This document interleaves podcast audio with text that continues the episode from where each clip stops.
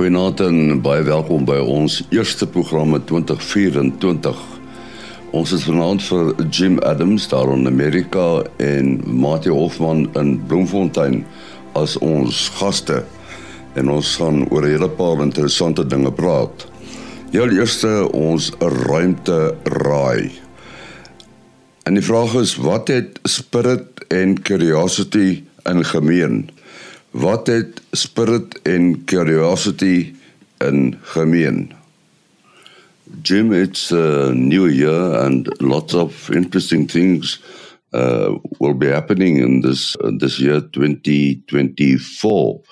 Quite a number of launches, isn't it? Oh yeah, it's an exciting year for space exploration, building on everything that was done in the last two years. It's uh, going to be a fantastic year. Could you elaborate on that? Yeah, you know, um, we're starting with uh, a series of missions that are planetary missions. At least the ones that that you know really float my boat are are the planetary ones. Uh, we're getting ready to launch Europa Clipper, which will go to Europa, which is a, a moon of Jupiter, um, and the one of the places in our solar system that we think most likely could harbor life if there is life beyond Earth. So Europa Clipper will go uh, take um, a number of years, probably five or seven, and um, when it gets there, it will fly by Europa several times doing reconnaissance on the icy shell that holds this ocean underneath its surface. It's very exciting that connects to a lot of other things that we want to talk to talk about tonight. So maybe I'll uh, I'll set that aside for a minute and just mention, you know, Artemis 2 launch. If everything goes well, they could launch as early as 2024. Humans back to the moon. They won't land, but they'll um, they'll do a, a, figure eight around the moon and come back, uh, just like Apollo 8 did. Um, and that's very exciting too. They they named the four astronauts last year: Christina Koch, Reid Wiseman, who I've had the pleasure of meeting, Victor Glover, who I know, uh, and from the Canadian Space Agency, Jeremy Hansen. All four of those folks will take a trip out to the moon, around and back uh, in November. Um, and then we're going to send a mission to the moon to search for water using a sort of a commercial payload service program called Viper. And Viper will uh, look in the polar regions to see if we can't find frozen water ice in the permanently shadowed craters on the moon. Um, and I've left out a half a dozen more. Oh, here's here's one that we really have to talk about. I have to mention at least uh, is the Japanese Space Agency is going to send um, a Martian moon explorer. So they're going to go rendezvous with the Martian moon Phobos and um, uh, orbit it for about three years, land, collect a sample, much the way OSIRIS REx did, and bring it back.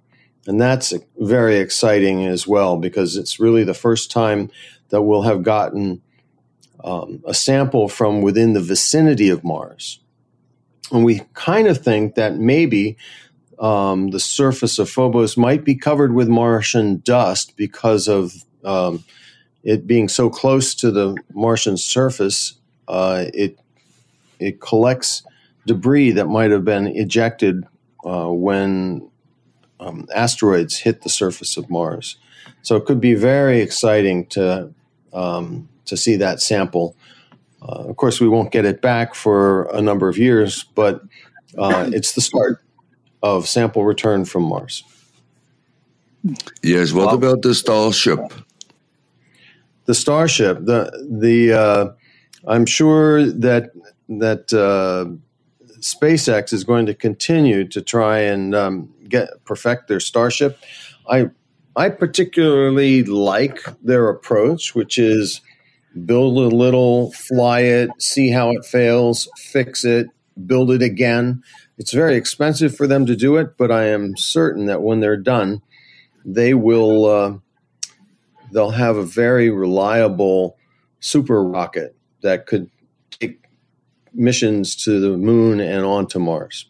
Uh, that's not something they could do with the James Webb Telescope. They, uh, so they had to take a totally different route to that. But of course, that uh, was developed over many years, and with the uh, Starship and the Artemis project, it's going on a much faster uh, rate. They want to do things much faster than, for example, for a multi-decade decade uh, project like uh, the James Webb Telescope, which turned out to be successful despite uh, well over I think over 200 single point failures that uh, could totally cripple the the mission. Uh, Jim, that I just something that I want to know in broad terms when we think about new missions and landings on the moon, uh, the Apollo project is so deeply engraved in our memories and our way of thinking. The landers that they intend to use now, um, in what aspects will it be similar or totally different uh, than the Apollo moon landers in terms of size and technology, uh, etc.? Well, um, what a lot of people don't remember is that the success of the Apollo mission was built after we landed, um, I believe it was Surveyor, on the surface of, of the moon as a robotic mission. So smaller missions did the reconnaissance that we needed so that we could send a human mission to the surface of the moon. The same is true this time around, except that they've got specific objectives. So, like, like the mission that we just talked about, uh, Viper, that's going to look for water on the surface of the moon, is a way that we will send robotic missions to the surface first. They'll land, you know, with uh, retro rockets the same way we've always landed.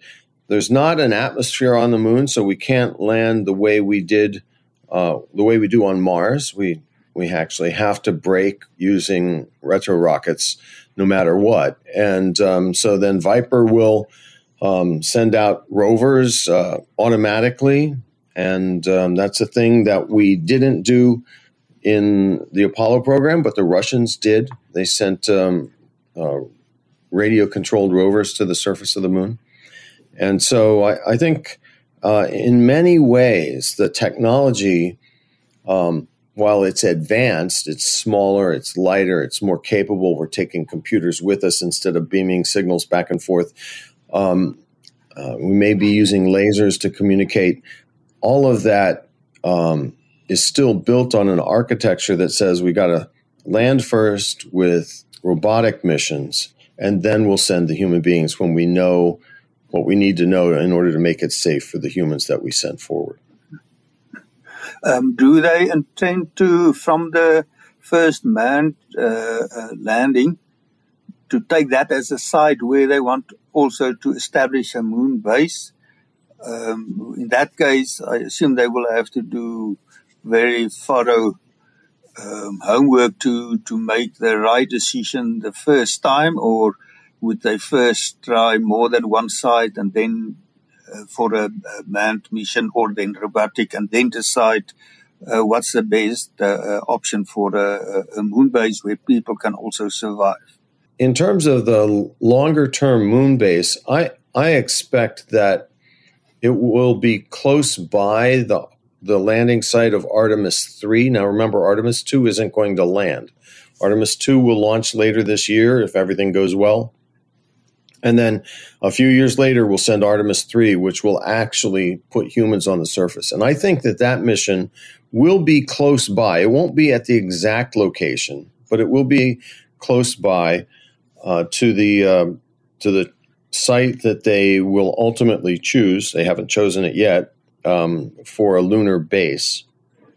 Remember that we've had missions doing reconnaissance in high definition at the moon for a very long time. The um, uh, Lunar Reconnaissance Orbiter has been taking high definition photos of the moon at all the different sun angles and, and aspect angles um, so that we can be analyzing the best locations to set down a base to establish a base on the moon.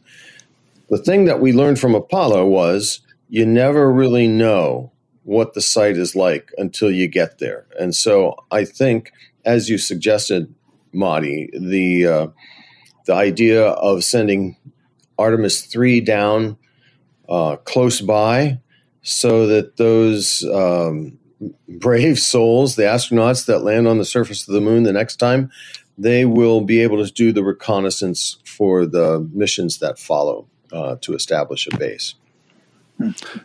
Jim, I just want to ask you something about uh, uh, NASA's role, the, the oversight. When companies like SpaceX and JAXA decide to do a launch or do space exploration, uh, does NASA have a role to play there? Uh, do you have oversight, or is it more a question of collaboration? Yeah, so JAXA is a is an agency of the um, Japanese government, and so with them, it's always an international partnership. NASA may or may not have a role, although um, in this particular case, I know that we do have a role, uh, at least in helping with navigation and deep space network communication. People almost always, or missions almost always come to NASA for that kind of support because we did it so well. Um, on the other hand, uh, commercial private entities within the United States um, may launch to sites like the the moon and Mars. They haven't yet on their own, and NASA won't have uh, any sense of control over that. However, in the middle of all of that is this uh, mission like Viper, where we basically said to a company, uh, "We want to use your commercial services." And send this uh, mission to the moon to look for volatiles that could help inform human exploration. That's a commercial model that we didn't have during Apollo. And what that means is that there's a lot more companies kind of vying for that kind of attention. And, uh, and in that particular case, because the data is important to NASA um, and getting it right is important, then there will be some NASA oversight. Oh, that's uh, still a fantastic model that that you have there is uh, to have both the uh, big government involvement because they have uh, the big tax resources at their disposal, but then also uh, the private sector, and it's actually quite amazing um, at what level they can participate in, in these missions, which was not the case. I mean, in the 1960s, it was just governments that could consider in any way to uh, to be involved uh, in exploration missions. I don't know when the first commercial satellites were launched into into space. Maybe, maybe you know that, but as far as um, support of exploration, which is not commercial, I think it's relatively new that uh, the commercial people are involved. Yeah. So the first commercial satellites were launched into space in the 60s, and they were radio telephone communication satellites. You have me at a disadvantage. I don't haven't done my homework, so I don't know the exact uh, mission and the date, but we could certainly Google it if we felt like it. Uh, you're right, though, Matie, um, that the commercial model for exploration is a new sort of thing, uh, but it builds on the commer- the idea of using commercial services to get um, cargo and crew to and from the International Space Station. So, in a way, the commercial model to explore the moon is an extension of what um, SpaceX and others have done uh, to supply uh, the space station and keep it going. Um, and, and it's a lot like you know, you want to send a payload to the ISS. The, originally, it was going to be like, well, um, it'd be like UPS.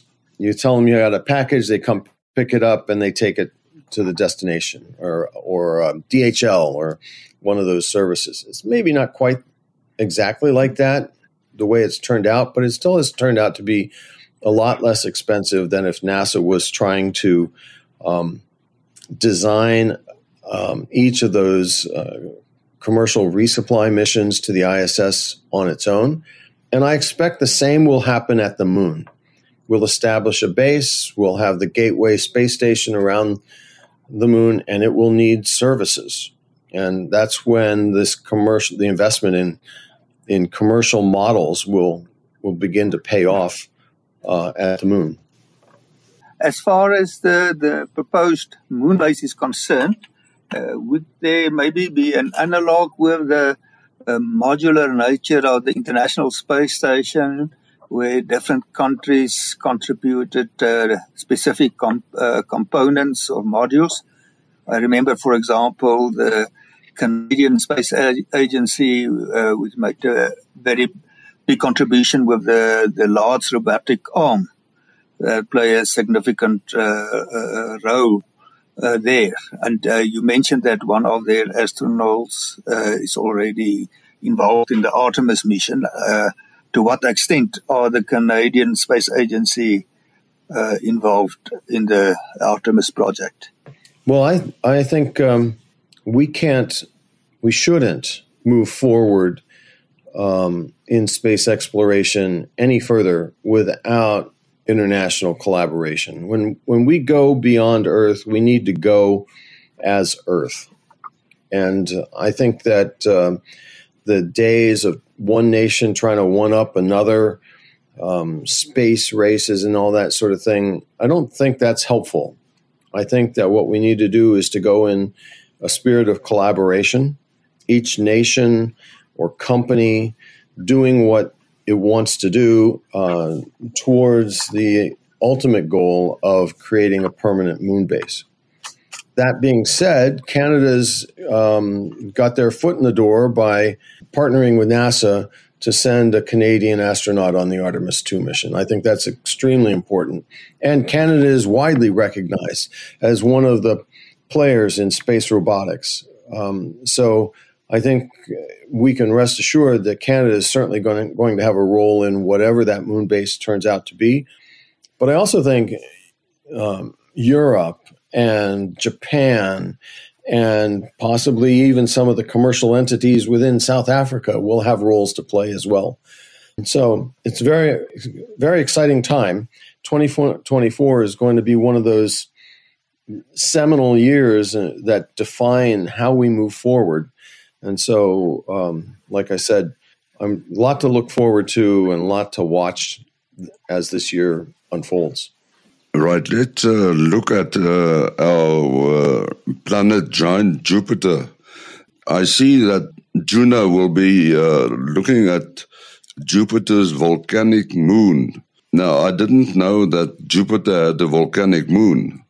The moon Io is close enough into Jupiter that the the gravity, the pull of the gravity as as Io moves in an oval around uh, Jupiter, it squishes and squeezes and tugs and pulls that it, it keeps the center of Io uh, warm enough that there are active volcanoes that erupt on the surface of Io. And the last time we got a really good look at that was when the New Horizons probe flew by Io on its way out to Pluto. And it got some pretty amazing photographs. Um, I, my understanding is that Juno flew by Io um, just a, a, few days ago, and uh, we're waiting to see what kinds of pictures uh, come from that. You know, it's a very exciting time. And I, I believe, Matie might be able to correct me on this, but I believe Io is the only place where we active we know of active volcanic activity um, beyond Earth uh, within our solar system. Yeah, we know that Venus had a lot of volcanic activity. Well, of course, the Moon also, but that is very long, long time ago. Uh, yeah. But in the case of Venus, it's still quite quite visible. But uh, uh other than that, as far as active now, uh, it's only Io and it just looks so much different because of that activity. And it's quite exciting that um, there's now those close flybys of Io. Uh, the, the, the most recent one with the Juno mission Uh, I think it was on the yeah the 30th of December. I've not seen much information on what uh, it found, but that was uh, about 1,500 kilometers on closest approach from the moon, which is which is quite close. Um, yes. If you compare it with satellites going around the Earth, I don't know whether that would still uh, be classified as a near Earth satellite if it's at 1,500 kilometers, but it's anyway not very close to the uh, near Earth uh, satellites. Uh, so it's just for comparison. Uh, now, of course, Io is, uh, is smaller than the Earth, so relative to its size, it, we should also take that into consideration. Uh, but of course, again, I think the next close flyby is already early in February, around 3rd of February, if I remember correctly. Uh, we can uh, look to amazing discoveries and at least spectacular photos.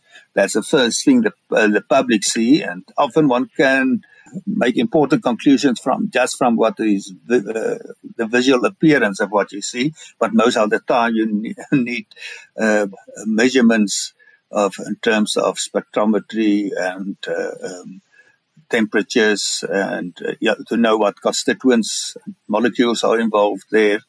Um, so that's an interesting story to to watch out for.